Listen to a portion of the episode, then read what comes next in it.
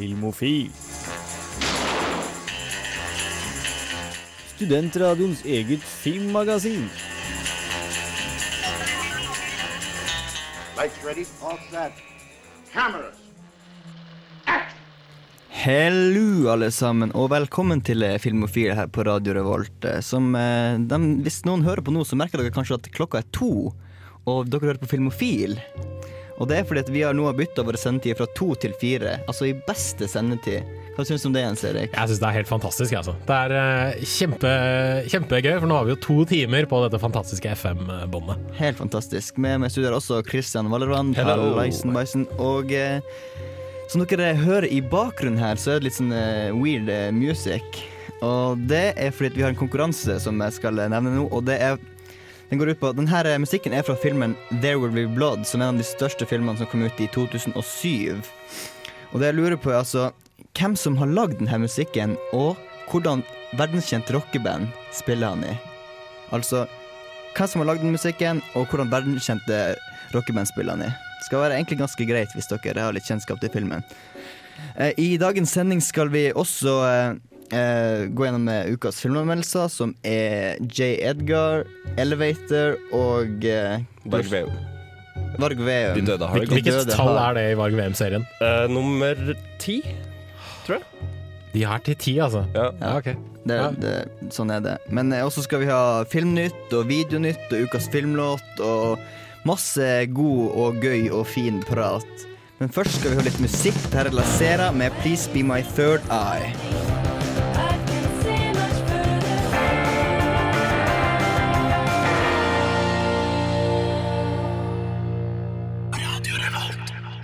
Yeah, det var Lacera med 'Please Be My Third Eye', og vi hopper rett på filmnyhetene. Filmofil gir deg nyhender fra filmen og fjernsynets i spanende verden. Ok, Først så har vi eh, en liten sak om han Quentin. For han Hvert år bruker han å legge ut en liste over filmer han eh, liker. Ja, stemmer det. Uh, hvert år så legger han ut som sagt en liste over uh, topp Dette er Tarantino vi snakker om. Ja, og så er Tarantino sine personlige toppfilmer. Mm. da. Det er topp 11, så han er tydeligvis glad i primtall. Uh, øverst så ligger 'Midnight in Paris'. Den har jeg dessverre ikke sett, så jeg kan liksom ikke Woody Allen. Woody Allen-film. For Litt forventa, i og med at han altså, den, den var jo elsket av kritikere overalt, tror jeg. Ja. Eh, og på andreplass er en film jeg liker veldig godt, i alle fall, som er 'Rise of the Plant of the Apes'. Veldig teit tittel, for så vidt. Men uh, andre filmer som er kanskje litt morsomme å merke seg, er 'The Three Musketeers', som er på ellevteplass. Hva ga du den, eh, Christian? Jeg ga vel den en treer, hvis jeg ikke husker helt feil. To, en av topplista til Quentin. Nei, ja. uh, X-Men First Class er på femteplass. Jævlig god film. Ja, Den ga jeg en femmer. Jeg syns den var ganske OK også, faktisk. Um, så den lista finner du på nettet, bare søk opp. Men vi har også litt andre, andre um, priser, da. For eksempel eh, verste film. Uh, og der nevner for eksempel Sucker Punch. Uenig! Ja, det er jeg også uenig i.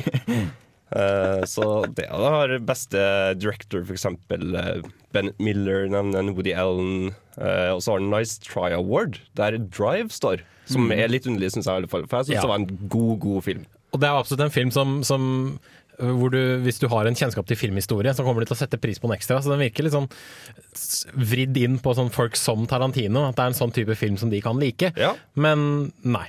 Nei. Tydeligvis ikke. Så ja, ja. Hvis du vil ha hele lista, så kan du f.eks. gå på ign.com og søke opp der. Yeah. Han har jo sær filmsmak, så. Ja. OK. Eh, neste Der forsvant poenget, ja. Det kan være veldig raskt poeng. Men neste nyhet skal jeg snakke om. om den, eh, vi snakka forrige gang om eh, den norske serien Lillehammer, som har blitt utsatt på ganske ubestemt tid. Men eh, den var fortsatt solgt til eh, amerikanske Netflix. Det som, eh, som skulle ha premiere den 6. februar. Men, og da ser det ut til at Netflix skulle ha premiere før NRK. Og det har vært to grunner til den utsettelsen. Det har vært eh, en juridisk del som går opp på sponsoravtaler, og scener i episoder der som har blitt redigert for å ikke stride mot lovverket om produktplassering. Men nå har altså de ordna oppe der, og de to første episodene er blitt ferdige og korrekt redigert, og alt skal være i den skjønneste orden. Så selv om Netflix legger ut de første åtte episodene eh, 6.2, så får eh, Norge se, se den første episoden først, som kommer på onsdag eh, som kommer nå. Nydelig. Jeg gleder meg. Jeg gleder også meg. Ja, da er vi slutt på denne delen av Filmnytt, men vi skal ha litt mer Filmnytt etter, eh, etter denne sangen, som er Azealia Banks med 'Licorice'.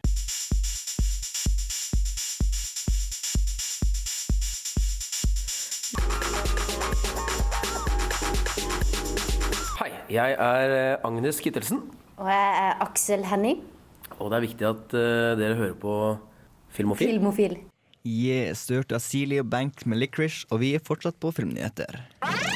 Filmofil gir deg nyhender fra filmen og fjernsynets i spanende verden. Ok, Jens Erik, du har noe om George Lucas. Ja, som uh, relativt stor Star Wars-fan så har jeg fulgt litt med på hva George Lucas har holdt på med i det siste. Og for tiden så produserer han og har egentlig skrevet manus og gjort litt sånne regigreier på filmen Red Tails, som handler om eh, svarte jagerflypiloter under eh, det er vel første eller andre verdenskrig, jeg husker ikke helt detaljene selvfølgelig, men med da en film som, hvor alle skuespillerne er fargede. Og han har nå bestemt seg for at etter denne filmen så skal han gi seg som eh, storfilmregissør. Og da, altså denne annonseringen, eller denne, altså dette, det at han sier dette nå, da tenker jeg at men du er vel kanskje litt du er vel kanskje 15 år på overtid, fordi Star Wars 1, 2 og 3 var jo ikke spesielt gode filmer. Og siden den gangen så har han liksom ikke gjort noe særlig, bortsett fra å si at nei, nå vil jeg gå tilbake og fikse litt på disse 30 år gamle filmene mine som, som folk elsker, men som jeg da skal holdt jeg på å si, voldta. Men eh, ja, nå skal han i hvert fall eh, Han skal eh, flytte seg vekk fra filmbransjen. Han skal flytte seg vekk fra dette store Lucasfilm-selskapet sitt, og skal begynne å lage mindre filmer. Mer sånn Arthouse-filmer, da. Og da er jo inspirasjonen Francis Ford Coppola som Den siste liksom, kommersielle filmen han lagde, den var i 1997. Så George Lucas skal nå begynne å gjøre mer sånn arty-farty-greier. Hvordan han skal gjøre det uten et 100 dollars CGI-budsjett, det blir jo veldig spennende å se. Det blir det absolutt. Christian. Uh, så vidt jeg forsto det, så skulle han vel ha døra åpen for en eventuelt ny Indiana Jones-film. Stemmer det. Han har en klausul i kontrakten eller altså, eller han har en klausul da, som sier at hvis det blir en femte Indiana Jones, så kommer han tilbake da, og, så i produsentstolen. Ja. Men uh, ellers så, så er han ferdig. Ja, vi får kanskje Jeg vet ikke. Vi får se. Ok, Det er jo tida for nominasjoner, og Gold Globes har vært, og Oscar-nominasjoner kommer snart, men først er det litt BAFTA-nominasjoner. Stemmer det. For uh, dette er jo kanskje verdens andre mest prestisjetunge filmpris, vil jeg si, etter Oscaren. Og uh, her går det veldig mye til, uh, ja, til britisk film, og kanskje litt sånn mer europeisk type film enn liksom Hollywood-filmen i USA, da. Den amerikansk-franske The Artist, som er en svart-hvitt svart-hvitt stumfilm, faktisk, om hvordan lydfilmen kom til Hollywood, har fått hele tolv eh, BAFTA-nominasjoner, blant annet beste film.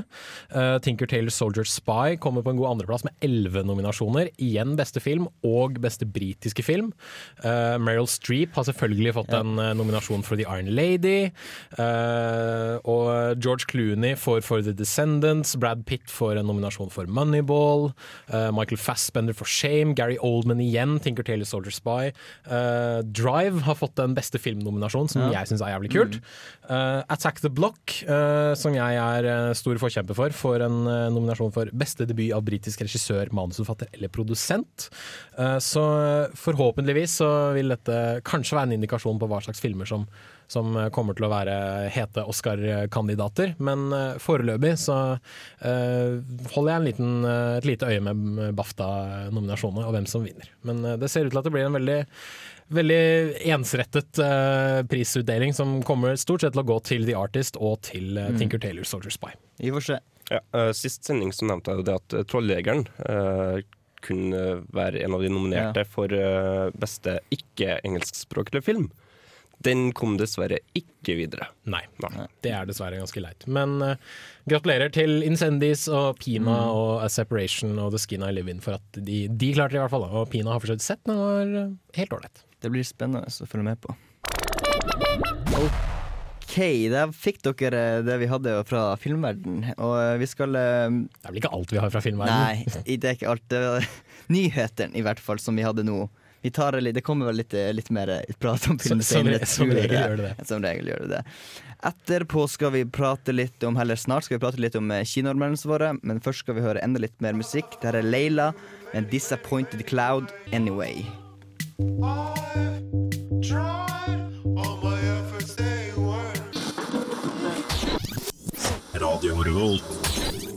Ja, der hørte du eh, Leila med parentes, disappointed clown, parentes slutt. Anyway. og vi er nå på eh, ukas eh, kinoanmeldelser. Og den første filmen eh, vi skal høre, det er du som har sett den, Christian. Det er altså Varg Veums film nummer eh, ti. Nummer ti. Det blir bra. Vi får høre hva han har å si. Hva tror du er inni den der? Kan være tunfisk. Eller så kan det være småjenter på jakt etter et bedre liv. Det er noen som finansierer menneskesmugling, og de gjør det herfra. Fra Bergen. Trond Espen Seim vender tilbake for tiende gang som privatdetektiven Varg Veum i De døde har det godt. Denne gangen etterforsker Varg hvordan unge jenter som søker asyl i Bergen, mystisk forsvinner fra systemet. Saken viser seg å gå dypere enn antatt, og Varg må kjempe mot tid og andre hindringer for at flere jenter ikke skal forsvinne.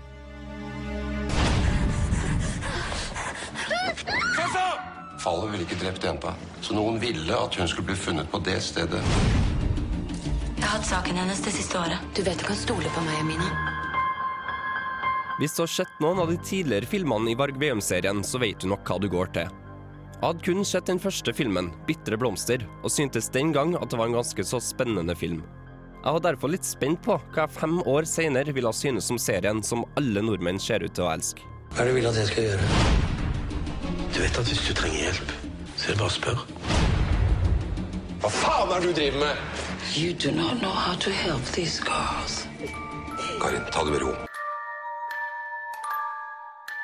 Det jeg nå sitter igjen med etter å ha sett De døde har det godt, er at spenningsnivået var veldig lavt med tanke på at dette var en film innen krimsjangeren.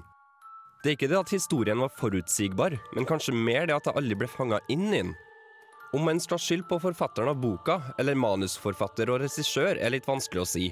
Men ikke en eneste gang i løpet av filmen fikk jeg den herlige følelsen av nakkehår som reiser seg. Det at de døde har det godt, ikke helt greid å vekke interessen i meg, er nok òg litt pga. skuespillerprestasjonene. Jo da, både Trond Espen Seim og Bjørn Floberg gjør en god jobb, men jeg synes ikke Lene Nystrøm passer inn her. Skuespillet virka falskt, og det ble et lite irritasjonsmoment for min del. Det er noe galt med denne rapporten. Det stemmer ikke.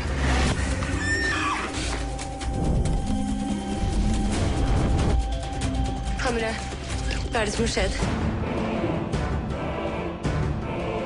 Vil du ha en god krim, så greier du sikkert å finne noe bedre enn De døde har det godt. Hvis du har lest bøkene eller sett tidligere filmer i serien, så kommer du nok til å dra på kino og få med deg Varg Veum sin siste etterforskning uansett hva jeg sier. Men det finnes som sagt bedre filmer. Men også verre. Produksjonsverdien var god, og det var ikke sånn at jeg satt og kjeda meg i 90 minutter. Men en god produksjon gjør ikke opp for en krim som ikke er spennende. Terningkast tre.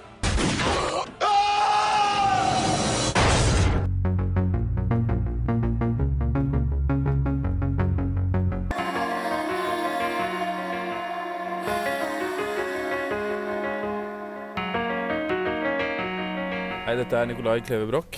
Eh, Jeg vil bare si, hør på Filmofil, så får du med deg mye bra stoff om film. Jepp. Du hørte, vi hørte nettopp eh, Grimes med Genesis, og neste kinofilm er Elevator. Har dere noe Jeg liksom vet at eh, Christian står og tripper litt, grann, for, Ja. eh, for vi har jo faktisk du, Vi har jo sett denne filmen flere måneder Ja, siden! så for lenge siden har vi. Ja, Under Ramaskrik så var det en sånn superhem, superduper hemmelig visning uh, av denne filmen, som var så hemmelig at vi ikke engang kunne si at vi hadde vært på en superhemmelig visning før nå. Uh, så ja. Og jeg så faktisk filmen på nytt denne uken, Ja. fordi jeg skal være helt ærlig, da jeg så den på Ramaskrik, syns ikke den var spesielt god. Nei? Så tenkte jeg at nei, faen heller, jeg gir den en ny sjanse. OK. Uh, hva syntes du om filmen da du så på Ramaskrik? Uh, som du sier, egentlig ikke veldig god. Egentlig jævlig ræv. Nei, som sagt, jeg, jeg ga den jo en ny sjanse, da. Så jeg, jeg, følte at, uh, jeg følte at kanskje det var noe med at jeg var litt sliten, og kanskje det var det at jeg Mm. kunne ha sett en annen film som kanskje var bedre istedenfor. Men denne gangen tenkte jeg at nei, det er en visning. Jeg går og ser filmen, og så ser vi hva som skjer. Yes. Vi får se om Jens Erik sin andre sjanse til Elevator, om hvordan han Ja, Facebook.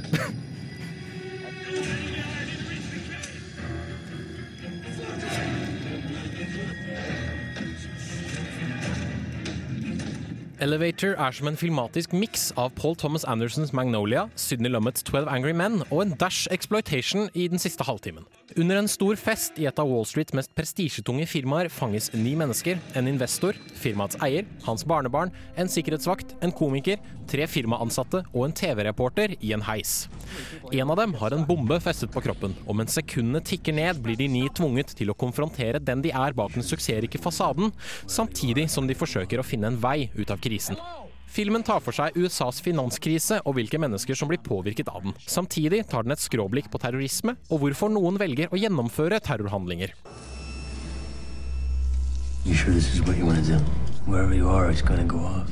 Tro allikevel ikke at noe av det jeg har sagt er et kvalitetsstempel, for til tross for stort potensial blir ikke Elevator mer enn en skuffende, dog klaustrofobisk filmopplevelse. We need help. We need help now. Den tidligere nevnte handlingen kunne vært oppskriften på en spennende thriller, der publikum vet hvem som har bomben, men hovedpersonen i filmen ikke gjør det. Personen med bomben avsløres dog etter ca. en halvtime. Deretter brukes neste time på å dra de resterende karakterene gjennom den psykologiske søla, uten at jeg får særlig inntrykk av at de påvirkes av hendelsene. En av de ni er en tolv år gammel jente som utsettes for meget traumatiske hendelser. Allikevel kommer hun ut av situasjonen med et smil, et overraskende resultat, i og med at hun bl.a. får se en mann få armen revet av. Jeg bryr meg ikke om hva som skjer med hovedpersonene, for filmen bruker ikke mer enn ca. ti minutter på å etablere hvem de er og hva de gjør. De blir rett og slett for flate og stereotypiske. Dette gjør igjen store deler av handlingen kjedelig og forutsigbar. Selvfølgelig forteller den rappkjefta komikeren rasistiske vitser. Selvfølgelig er den lille tolvåringen en bortskjemt drittunge som alltid får viljen sin. Etter å ha tilbrakt halvannen time med disse menneskene, kan jeg ikke si særlig mye om dem utover jobb, sivilstatus, alder, navn og det var vel alt. It was an accident, Grandpa. She did it on purpose. You're lying. I saw you. Liar. Evil little bitch. Skuespillerne gir dog det de kan, til tross for begrensede roller. Alle karakterene får sine store individuelle øyeblikk, men med mangel på karakterutvikling får ikke deres nøkkelscener noen slagkraft. Når et tilsynelatende traumatisert menneske som ikke har sagt et ord i 15 minutter, plutselig utbryter 'I'll cut the bitch' og skjærer i et lik med foldekniv, virker det som om manusforfatteren skrev seg inn i et hjørne og trengte en utvei. I bet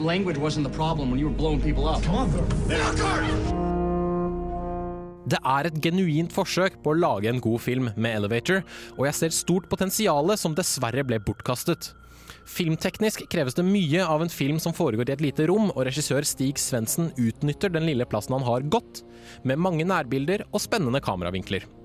Jeg blir noen ganger dratt inn i filmen, men nappes raskt ut igjen takket være de logiske bristene og dårlige forsøk på sort humor. Ingen av vitsene har særlig glimt i øyet, ei heller karakterene, som gjør det enda vanskeligere for meg å bry meg om dem. Hadde karakterene hatt mer kjøtt på beina, slik at handlingen ikke ble så forutsigbar, ville jeg likt Elevator bedre. Et psykologisk spill mellom personen med bomben og de andre karakterene i heisen hadde vært å foretrekke framfor det panikkfylte kaos som oppstår utover i filmen. Den siste halvtimen minner om noe ut fra Hostel eller Så-filmene, men unnskyldes med et 'vi gjorde det vi måtte'-øyeblikk helt til slutt. Elevator er interessant, og til tross for at det er hyggelig å se en norsk regissør prøve seg i det amerikanske markedet, er resultatet en film som mangler skikkelig driv, og som føles ufullendt grunnet manglende karakterutvikling. Terningkast to. Maybe we should take turns breathing. Bismillah. Ah. Filmofil? Jeg er ikke filmofil.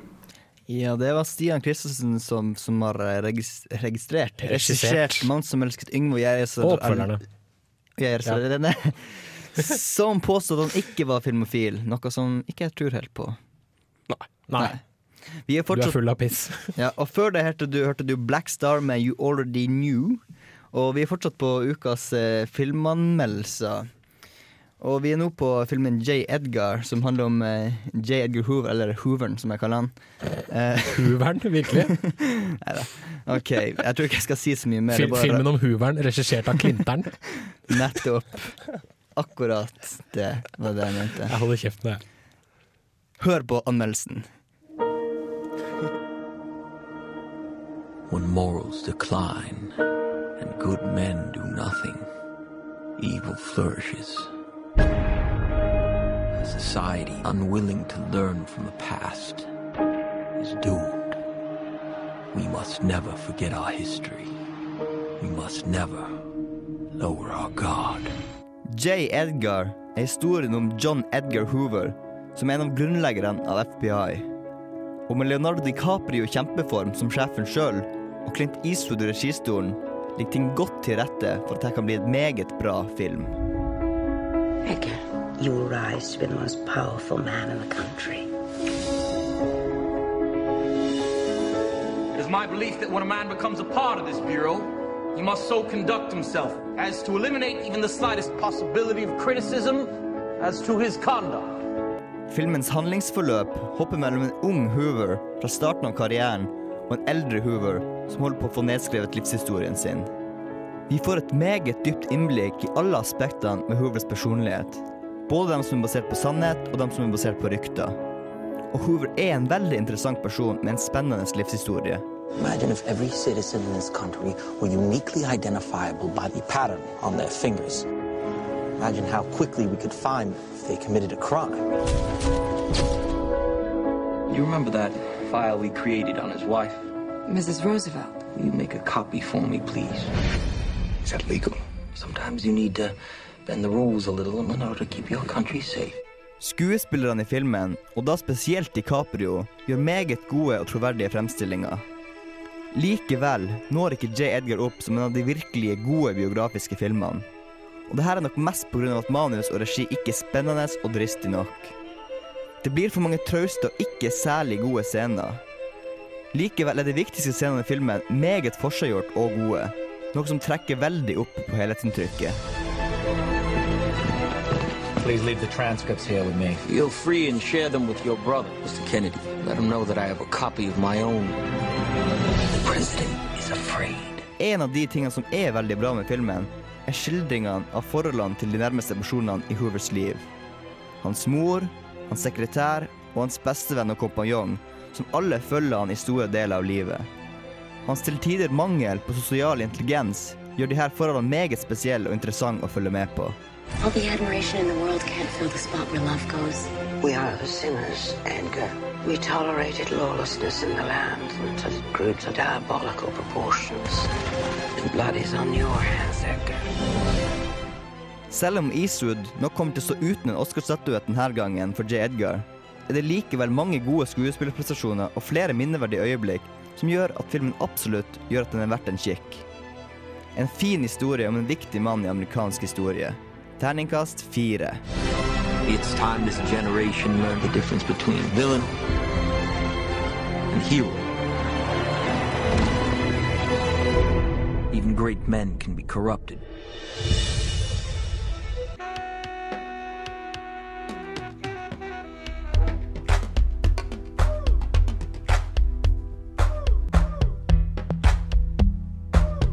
Play one, Sam. Det er jo alltid å ha musikk når den er påtent. Helst noe indisk eller pakistansk. Ukas filmlåt.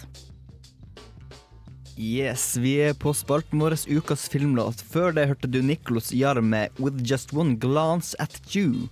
Men eh, nå er det denne gangen er det du Kristian, som har tatt med ukas eh, filmlåt. Kan jeg, kan jeg bare få stille et spørsmål først? Kjør på. Er dette indisk eller pakistansk?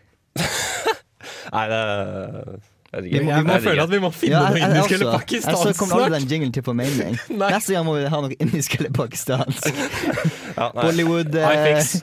ja, iFix. you Ja, fix. Låta No som jeg har med meg, er verken indisk eller pakistansk. Eh, Den er fra en film som kom ut i 1999. En film som alle prata om. Jeg skjønte ikke nå hva festen var om, før jeg faktisk så filmen sjøl. I 1999. I 99. Ja, da var du 11, eller hva? Åh, jeg gidder ikke å ta det i hodet nå. Du er jo født i 88? Eh, 86. så, 86, ja. da var du 13. da Ja, Og da følte du veldig mye med i filmverdenen? Kanskje ikke så mye som i dag. Men eh, nei, jeg var og så denne filmen. Og det var masse bra action. Og plutselig så bare stopper actionen opp. Scenen stopper, så får du seg 360 graders view rundt karakteren. Eller det som helst skjer Og det, det er så sykt fett! Filmen har et litt filosofisk spørsmål også. Jeg snakker selvfølgelig om The Matrix. Yes! Aldri sett. Aldri hørt om. Nei, ikke sant. Aldri, aldri hørt om filmen der alle går i svarte leirfrakker og ja. Selvfølgelig har jeg gjort det. Og eh, scenen som jeg henta låta fra, er når eh, Neo og Trinity skal redde Morpheus, som er fanga av de her slemme, slemme agentene. Snakker vi lobbyscenen? Vi snakker lobbyscenen. Absolutt, absolutt. Eh, først så er det inni her Jeg vet ikke hva man skal kalle det. det er vel, de er vel under Matrix. Og, nei. altså Før de kommer dit, så får du en rekke med våpen. Ja, den konstrukt-greia. Lots, Lots of guns. Og så kommer bare nei, den rekka med våpen, plukker med seg alt de kan, putter inn i frakkene. Så kommer de til lobbyen, da, så går de gjennom en sånn metalldetektor som bare boop, boop, boop, boop, boop. Og vakta som aner ingenting, så bare ja, vær snill, fjerne alle metalliske gjenstander, nøkler, veksle penger. Nio bare åpner frakken sin, sant? du har masse gennere, alt mulig rart. Vakta bare oh shit! Og så bare Og så begynner skytinga. Ja, ja, så ligger alle vaktene bare plutselig på gulvet. Alle har fått seg en kule i brøstet og sånt. Og så bare går det videre. Kommer et jævla SWAT-team eller militær eller hva faen det er for noe. Og så begynner det.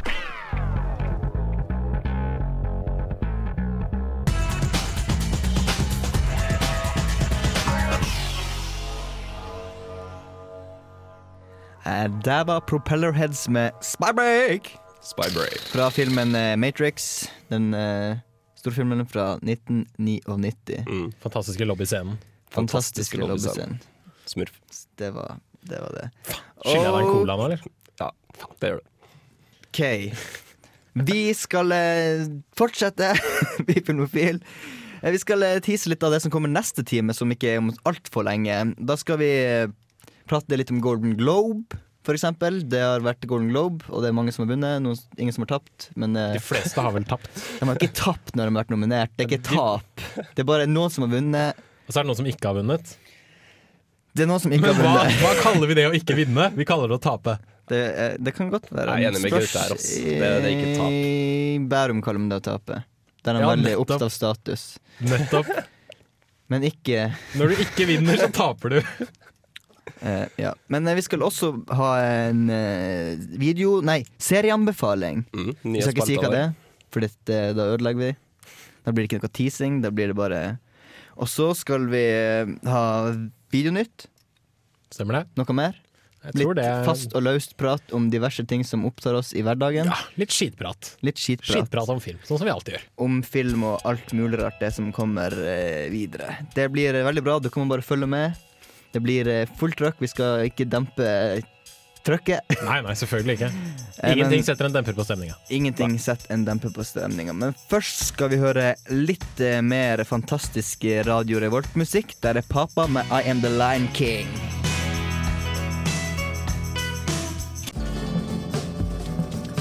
Just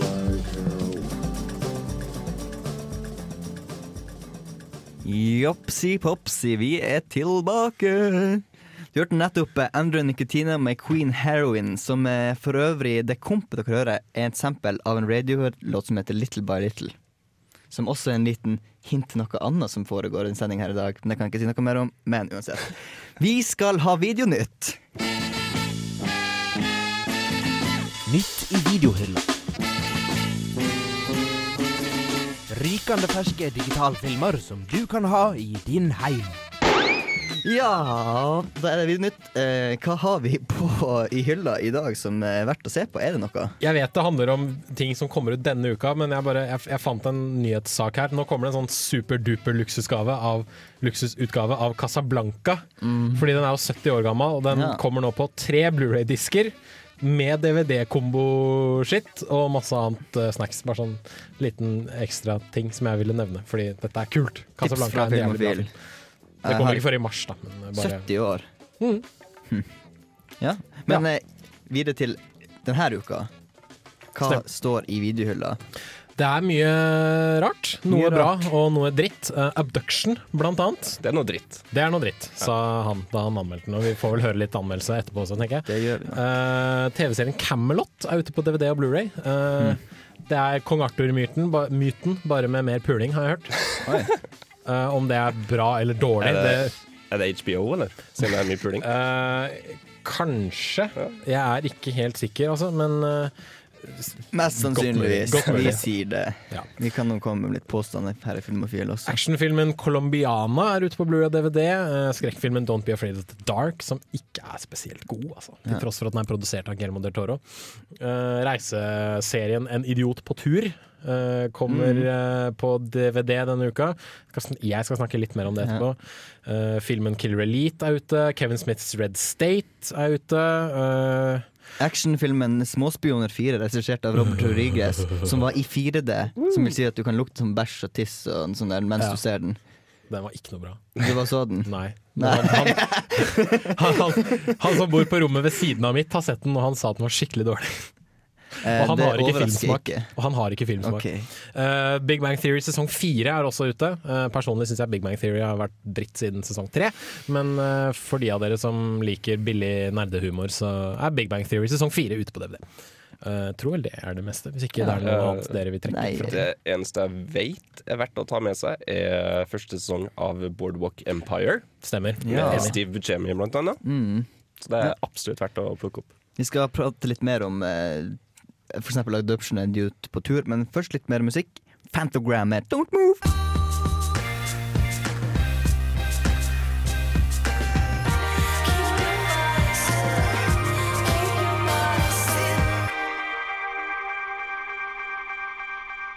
Hi there, this is Sal Lizard from Starfleet, the International Star Trek Fan Association, and encouraging you to listen to Filmophile.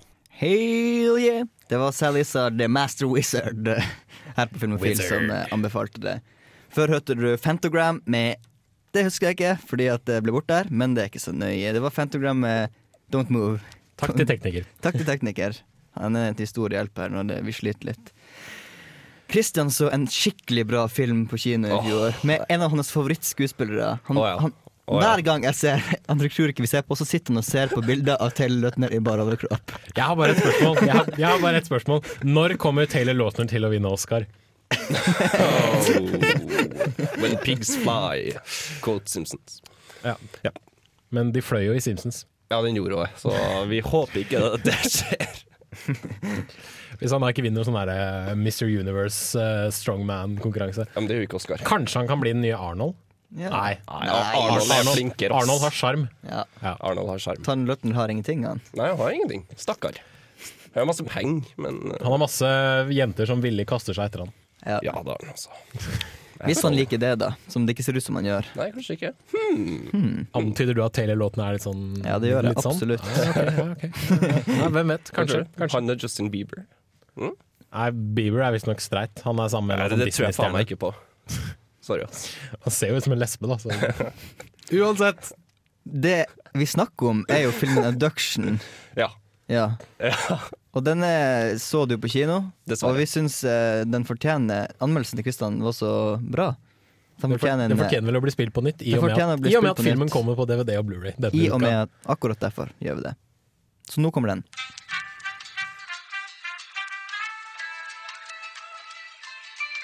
Kjære Lionsgate. Taylor Lautner, Lily Collins, regissør John Singleton og skribent Shaw Christensen. Jeg vil veldig gjerne takke dere for at jeg har brukt 106 verdiløse minutter på deres nye film Abduction.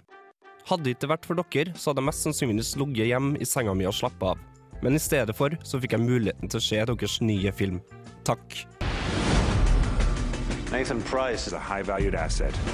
He escaped an attack last night. We've got 36 hours to find this kid before they do. Suddenly, everyone around me is dying.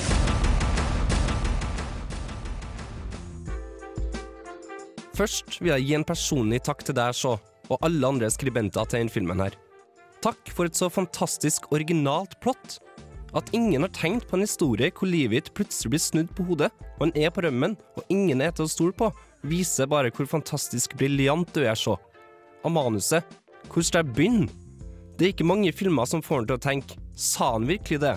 Etterfulgt av en hånete latter. Men dere mesterlige skribenter klarer altså det her. Takk. Who killed my parents? They weren't your real parents.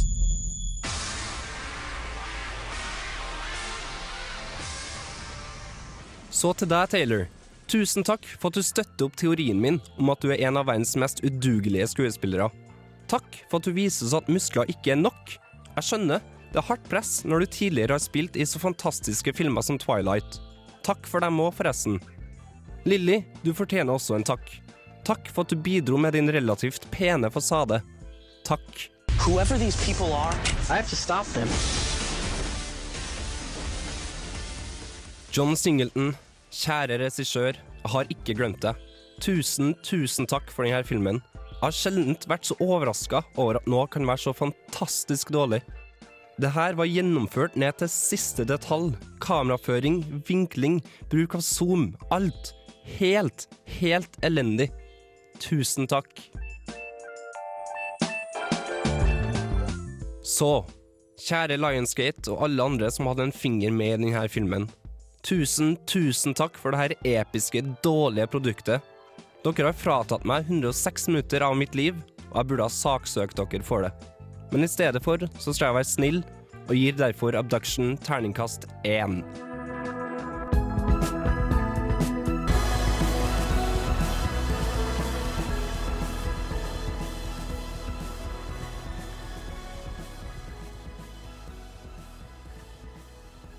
Hello og velkommen tilbake til Filmofil her på Radio Revolt. Du hørte nettopp eh, Bastard Geist med Winter Pog. Og Kristian, jeg kom til å tenke på en ting i stad. Mm. Jeg har noen gang tenkt på at navn, etternavnet ditt, Volvan, høres ut som en, en uh, tryllestav fra Harry Potter. Wa- Waller wand. I got the new Waller wand! Look at me! Ja. Eh, Nei, det, det har jeg ikke tenkt på før. Nå vet jeg. Nå, jeg tenkte på det. Ok, Fra en idiotisk kommentar til en idiot på tur. Ho-ho! I see what you did there, Gaute! Veldig bra. OK, All Jens right. Erik. Ja, for En idiot på tur, eller En idiot abroad, som den het da den gikk på uh, Sky One HD i uh, Storbritannia, uh, nå, er nå denne uken ute på, på Blu-ray og, og Nei, ikke på Blu-ray, på DVD bare. og for de som ikke, de som ikke kjenner til konseptet, en, en kort oppsummering. eh, for Ricky Gervais har vi jo hørt om, ikke sant? Fyren Yes. som gjorde The Office og Extras og sånne ting. Han hadde, eh, Før han gjorde det stort med The Office, så hadde han et radioprogram på en, eh, på en radiokanal som het XFM i London. Eh, der møtte han eh, produsenten Carl Pilkington. Og eh, det, ville, det forholdet, vennskapsforholdet de skapte, ville etter hvert føre til at Carl Pilkington blir en stor stjerne. Fordi eh, han har det med å si veldig dumme ting til de mest upassende tider. For eksempel eh, fordi eh, Ricky Gervais og Steven Merchant, som også var med og lagde The Office, de gjorde en podkast sammen med Carl, eh, hvor han blant annet uttrykte dette fantastiske sitatet I could eat a knob at night. Altså at man kan spise en, en penis om kvelden. Mm. I da sammenhengen at på sånne Survivor-programmer så kunne han mye lettere spise en, en kengurupenis litt senere på dagen, etter å ha spist litt ris og sånt på forhånd, enn tidlig på morgenen. Ok, Uansett. Det ble litt penisprat i dag også. Det blir litt penisprat i dag, også. det beklager kjære lytter. Men uh, i 2010 så eh, sa Ricky og Steve det at eh, nei, nå skal de prøve å utvide Carls horisont, for han har et ganske trangsynt uh, syn på ting. Så det de gjorde var å sende han til eh, altså Første sesongen, som nå er ute, så sendte de ham til De syv underverker rundt om i verden. Så han dro til Kina for å, dra på, for å se Den kinesiske mur. Han dro til India, til Taj Mahal. Han eh, dro til Jerusalem eh, for å se Altså han dro gjennom Jerusalem Mm. for å komme til Jordan for å se Petra. Han dro til Mexico for å se Chichen Itza. han dro til Brasil for å se Kristusstatuen. Han dro til Machu Picchu, og han dro for å se på, på pyramidene i Giza. Og eh, resultatet ble vel det at eh, nei, alt var bare dritt. Den, den kinesiske mur, altså sa han det at ja, eh, it goes on for miles, but so does the M5. Og at pyramidene i Giza, det var It looks like a tower of Jenga that's gone out of hand. Så det så liksom ut som lekeklosser da, som bare hadde falt sammen. Og han klagde over han klarer aldri å synes det var Det var aldri utrolig da at mennesker hadde klart å bygge disse tingene. Nei, nei, det var sånn Hva er den praktiske utnyttelsen Ja. til dette her? Hva skal vi med dette? Hvorfor har vi det? Og bare det å se hans engelskhet, det faktum at han er sånn Han liker ikke å gå utenfor sin komfortsone. Og se han treffe altså Se dette kultursjokket hans, da. Det er den store uh, appellen ved serien, og alle de dumme kommentarene han kommer med. da. Uh, han uh, er blant annet redd for å dra til Kina, fordi der har han hørt at de spiser frosker. Mm. Han er da redd for å spise frosk, og uh, like det. Sånn at han ikke, Og da er redd for å ikke få tak i frosk når han kommer tilbake til England. Ja. Uansett, eh, det anbefales. Det er veldig morsomt å se på. Det er vel en eh, syv episoder pluss en sånn recap-episode. Og hvis du tror at du selv har et litt sneversynt uh, syn på ting, så tror jeg at uh, å reise rundt i verden med Carl Pilkington kommer til å sette ting litt i perspektiv. Ja. Uh, jeg tror sesong én fortsatt går i reprise på, på NRK. NRK3. Mm. Og det finnes også en sesong to der han skal forsøke å gjennomføre diverse ting på denne the bucket list, altså ting du må gjøre før du dør. Ja. Eh, han blant, eh, ønsker blant annet å svømme med delfiner, men eh, Ricky gjør selvfølgelig setter noen Mm. veisperringer og gjør at han må svømme med haier Ja. i stedet for. De er- koser jo seg jo jævligere han har det, jo mer Ja. koser Ricky og han der andre Yes, kisen. som- For uh, Ricky Gervais syns det er gøy når Ja. Carl Pilkington, Pilkington lider. Ja. Uh, og ja, Det er rett og slett det det handler om. En uh, liten engelskmann som blir sendt av gårde på tur for å lide for andres underholdning. Og underholdende, det er det absolutt. Ja. Det anbefales til folk å se An Idiot Abroad eller En idiot på tur. Yes. Høres ut som eh, god og enkel underholdning, som er, som er bra, det Og det er jo et ganske annerledes reiseprogram også, hvis du er litt glad i reiseprogrammer generelt. Yes. Vi skal høre Bear in Heaven med The Reflection of You.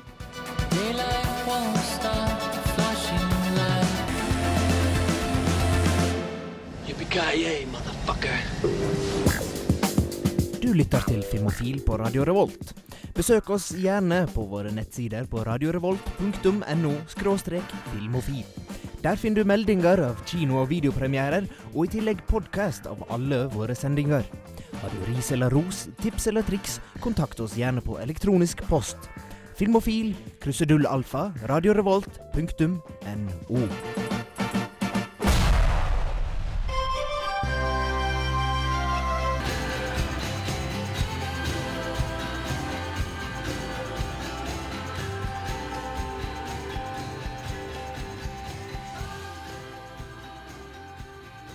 Ok, velkommen tilbake til Filmofil. Du hørte nettopp High As A Kite med Indian Summer.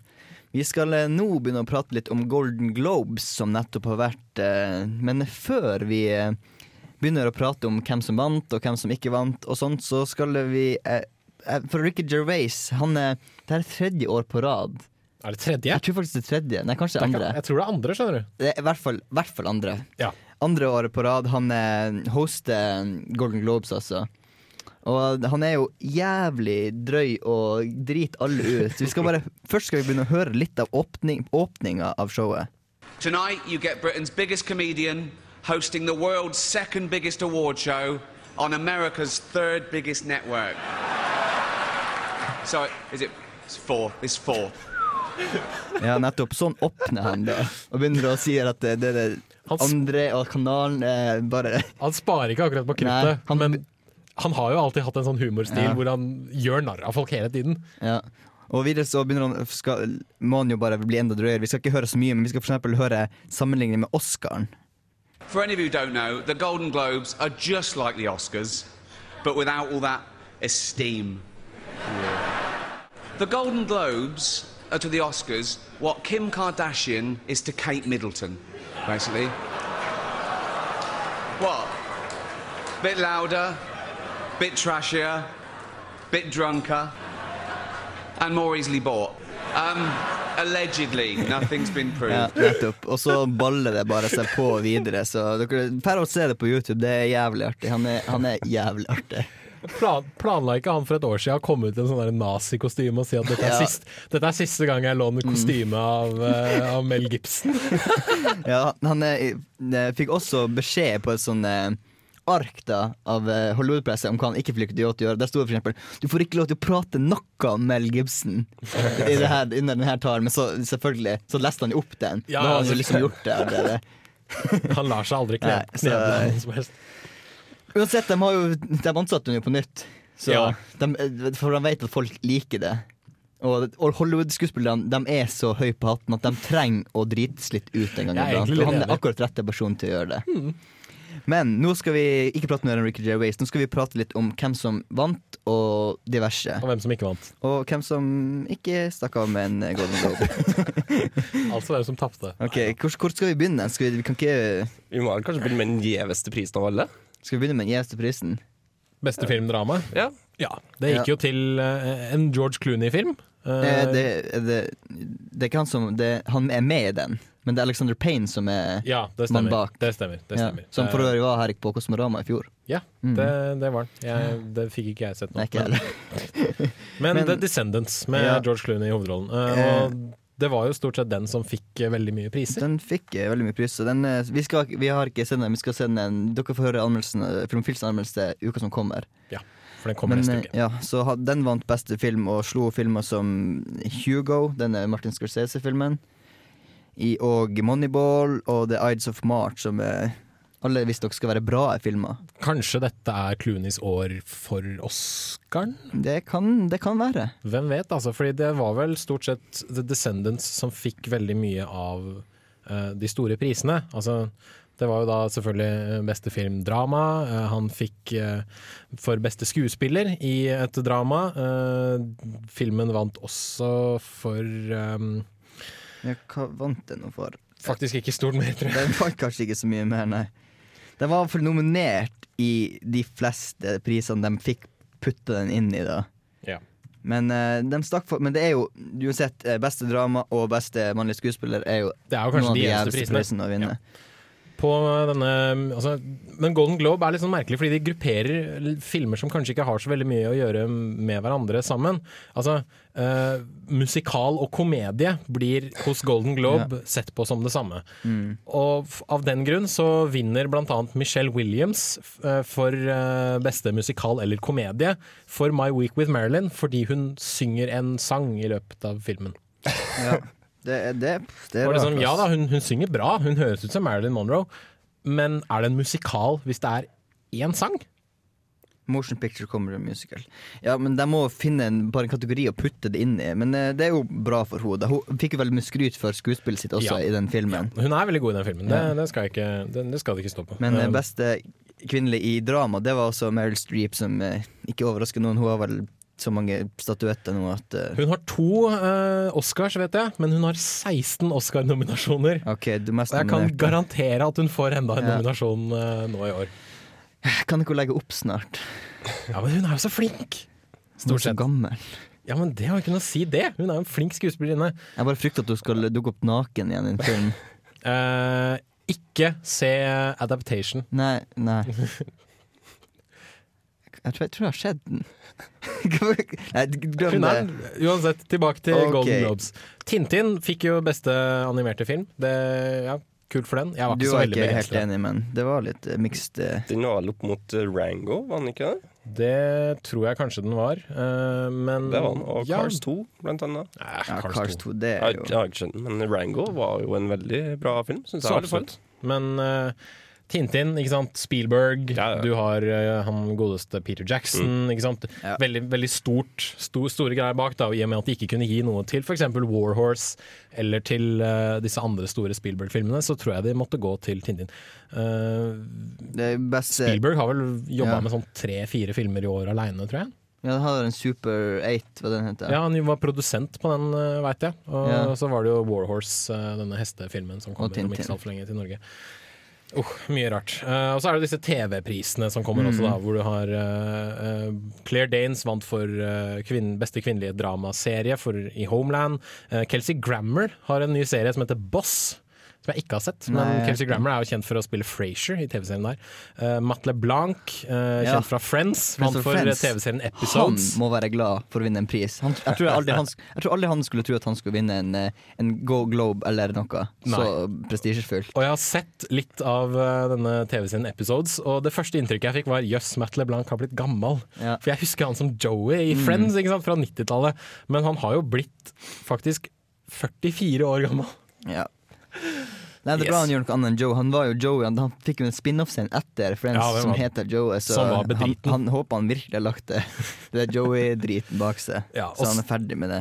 Og ikke minst så fikk jo uh, Peter Dinklage fikk jo en, uh, en pris, en Golden Globe-pris, for rollen sin i Game of Thrones. Mm. Som han har absolutt fortjent. Mannlig birolle. Det må vel kanskje være den lengste eh, priskategorien som fins. Altså Best performance by an actor in a supporting role in a series, miniseries or motion picture made for television. Her, her står det bare 'beste mannlige birolle' i en TV-serie. Men Ja. eh, det er en annen kilde. Så. Men det var jo nominerte der fra miniserier og, Ja. andre, Mm. og, liksom, og TV-filmer, da. For eksempel den kvinnelige gikk prisen i samme kategorien gikk til Kate Winslet, som var med i en sånn miniserie som heter Mildred eh, Pierce. Pierce. Den gikk faktisk nå i romjula, tror jeg. Mamma var veldig glad i den serien. Ja, den gikk, den gikk, ja, den gikk på TV-en, ja. Ja. Sikkert, sikkert bra. Hun er jo flink, hun dama der. Og Modern Family, Best Television Series Comedy Musical, som var en favoritt i fjor eh, også. Stemmer. stemmer. Ja. Noe mer som vi kan nevne? Vi har ikke nevnt det beste eh, film i, i den der musical- og comedy-serien. Det var The Artist. Ja, Det er jo en, absolutt en komedie, har jeg Ja. hørt. Og det er også en sånn het Oscar-kandidat, for det er jo en, en film som handler om film. Og det er Oscar-akademiet veldig glad i. Og ikke bare det, det er en film som handler om gammel film. Og det vet jeg at Oscar-akademiet er veldig glad i. Ja. For det er jo stort sett, altså, som vi alle vet, det er jo masse 70 år gamle menn som sitter med Oscar-stemmene. Stort sett.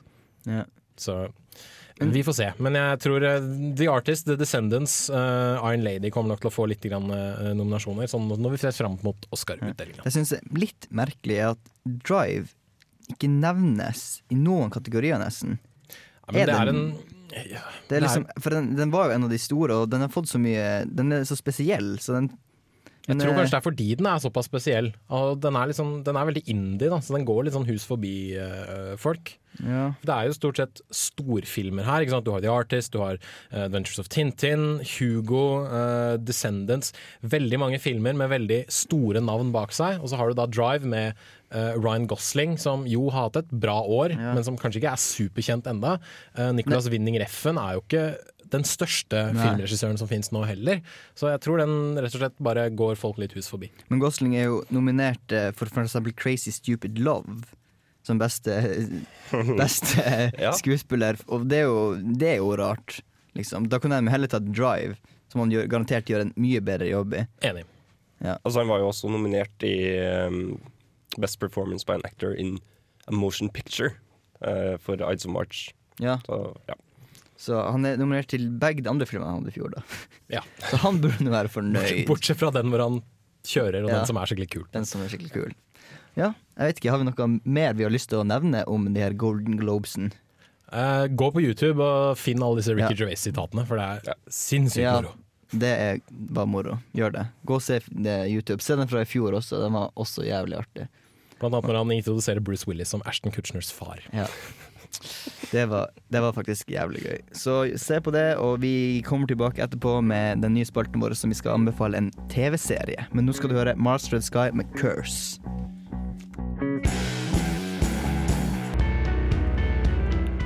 Det var Mars Red Sky med Curse. OK. Vi er nå på ukas uh, nye spalte her i Filmofil, uh, som uh, creator of the new spalt is Christian Tryllestav. Hva du har å anbefale? Jo, eh, nye spalten vår er, har, har vi valgt å kalle Ukas serie, for all del. Hvis dere, Ja. våre kjære lyttere, har et godt forslag så, for navn, så bare send det til filmofil etter radiorevolt.no. Men foreløpig så heter den da Ukas serie. Mhm. Og i denne spalten skal vi ta for oss nye eller gamle serier som vi har lyst til å anbefale til våre lyttere. Yes. Som er verdt å se, rett og slett. Og først ut så er det Homeland, som er den serien som ga meg egentlig inspirasjon til spalten. Eh, Det er en drama-thrillerserie som er laga av Howard Gordon og Alex Ganza, som bl.a. har skrevet og produsert eh, 24-serien. Eh, Alex Genza har også vært med og produsert Entourage. Så at, eh, jeg husker Mm. for første sesongen av 24 var jo mm, Den var bra. Jeg så Ja, ja. ikke så på, på så mange andre. 24 og Entourage, det er to helt forskjellige serier på CV-en. da. Så. Veldig. Eh, men uh, Homeland uh, tar for seg Carrie Mathison, som er spilt av Claire Danes, som man kanskje kjenner som Juliette i den moderne Romeo and Juliette-filmen. Hun jobber for CIA og får vite av en informant at uh, en eh, amerikansk krigsfange har blitt turned, uh, bruka, altså er imot sitt eget land. da. Han har blitt en avhopper, rett og slett. Ja, en, eh, en slem person. Eh, og samtidig så blir Nicholas Brody, eh, spilt av Damien Lewis, som man kanskje kjenner som eh, Dick Winters fra Banner Brothers. Han blir funnet i Irak etter å ha vært en krigsfange i mange, mange år, og vender da tilbake til, til USA. Og um, Gary Matheson uh, tror jo da selvfølgelig at det her er den fangen som har blitt omvendt, og bryter både regler og lover for å finne sannheten. Blir det sånn psykologisk spill mellom de to, da, kanskje? Veldig. Uh, serien leker veldig med på en måte, hva du som ser tror også. Og du vet liksom aldri helt hva du egentlig skal, skal tro. En slem, en snill?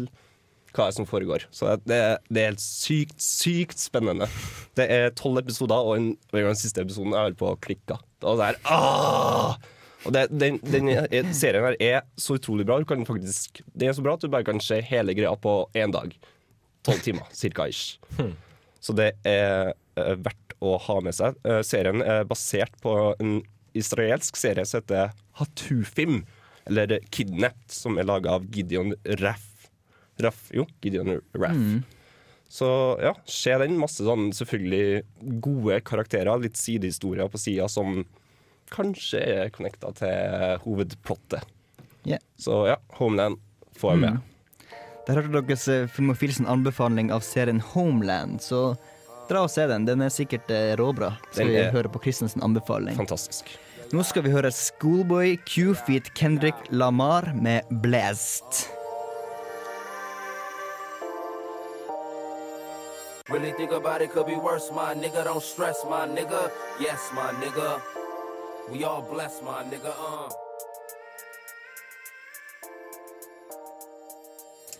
Eh, Yes, det var Schoolboy Q-Fit Kendrick Lamar med Blast. Eh, nå skal vi trekke forrige ukas vinner av konkurransen. Jens Erik, utfyll.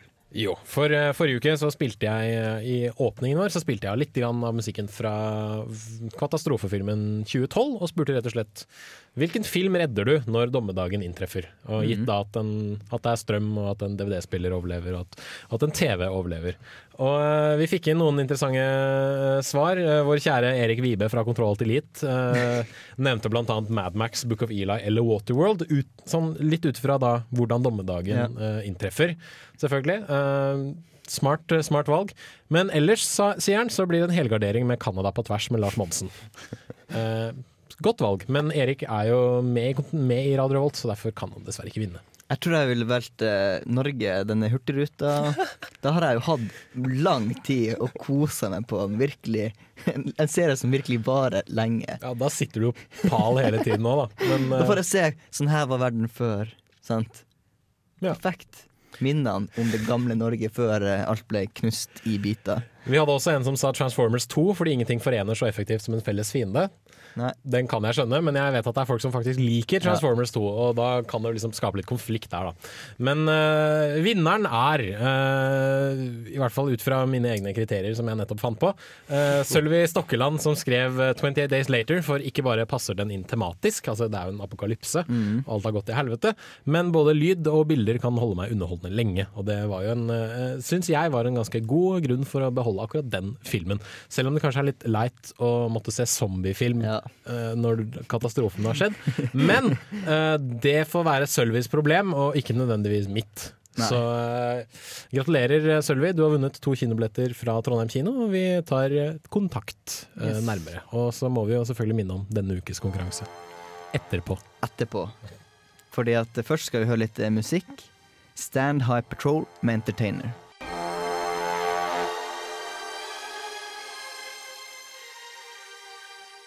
Der hørte du High Patrol med Entertainer, og du hører fortsatt på Filmofil, men vi går dessverre mot slutten.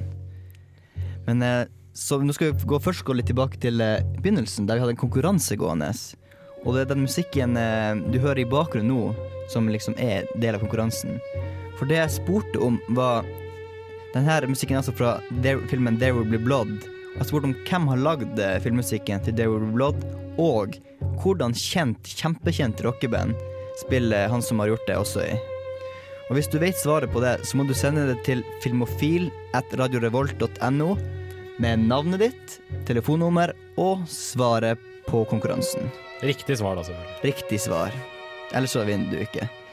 Så hvis du gjør det, så har du mulighet til å vinne to kilo, åpne kinobilletter fra Trondheim kino. Så det. OK. Eh, vi skal eh, begynne så smått å avslutte litt, da. Og eh, vi, vi kan oppsummere litt. Vi har På kino har vi sett Jeg var også J. Edgar, som jeg ga terningkast fire. Du var også Jens Erik. Jeg har vært og sett Elevator for andre gang, For og ga den terningkast to. Ja, hvis du har lyst til å utfordre klaustrofobien din, så kanskje, men du går ikke glipp av noe hvis du ikke ser den på kino i helga. Agreed. Agreed. Mm. Ok. Og eh, Kristian, du var også den der Varg Veum-filmen. Ja, De døde har det godt. Jeg ga den en eh, treer. Ja, de som liker Varg Veum, bra ser den og sett noen som har fulgt med på De døde har det altså ikke godt. Ah, får vi en trommevirvel? Har vi en Nei, tromme- vi ikke- Jo, jo, vi har jo bare, bare trykk på den som heter trommevirvel 1 og 2. Ok, trykk på en trommevirvel. Én, to, tre. Nei, Nei, det fader. feil, ja. Det er den ved siden av. Det er den ved siden av. Det er den ved siden av. Nei, gud! Jesus Christ. Nå er det litt seint, ass. for en, eh, Jeg skal nevne en ting før vi ikke, Det her går ikke, vet du. Vi skal, eh, jeg skal nevne en viktig ting. At det at eh, vi skal ta opp et nytt medlem i Filmofil. Stemmer det. Fordi vi har lyst på det. Og jeg håper at noen av dere som hører på, har lyst til å være med. For da kan dere gå inn på Samfunnet sine hjemmesider og søke. Opp det greia blir lagt ut i natt. Ja. Eh, Samfunnet.no slash opptak. Da skal det være klart til i morgen tidlig. Ja, eh, Så det har vært eh, kult hvis dere søker det. Hvis dere føler at dere har noe å bidra med i denne gjengen som vi er. Gjerne med litt østrogen, for det tror jeg vi Ja, trenger. vi trenger kanskje litt østrogen, så kanskje Ja, dere skjønner hva jeg mener. Søknadsfristen er 29. januar, så Mm. dere har relativt god tid Ja, dere det, til å det, har, skrive en søknad. det har dere absolutt. Vi skal, men når det er sagt, så må dere sjekke oss ut på Facebook. Facebook.com slash filmofil. Yeah, dere må høres på Stream on Demand eller laste ned podkast. På radiovolt.no slash podkast. Og Og alle anmeldelsene våre blir også lagt ut på lagt slash filmofil. Svar på konkurransen, så kan dere vinne billetter. Så blir det helt fantastisk. Og Takke tekniker. takke tekniker. Tekniker i dag har vært eh, Rune Stana. Etter oss Takk til deg. Og etter oss så kommer eh, Uillustrert vitenskap. Og de skal i dag snakke om atomforsker og en bilbombe, f.eks. Og 100 år gammel whisky. Så har jeg også hørt noen vage rykter om at Ole Eivind skal være naken under sending. Hva? Men eh, jeg vet ikke hvorfor. Hva? Har det Dette så mye å si for dere lyttere? Jeg vet ikke. Men eh, uansett, hør på Illustrert. Og ha det bra. Jeg med meg i studio har hatt eh, Jens Erik Woller. Ha det bra. Kristian Vollevann. Eh, tekniker Rundstana. Jeg heter Gaute Eliassen. Vi har Filmfil. Ha det bra. Nå skal du høre Portico Quartet med Ruins.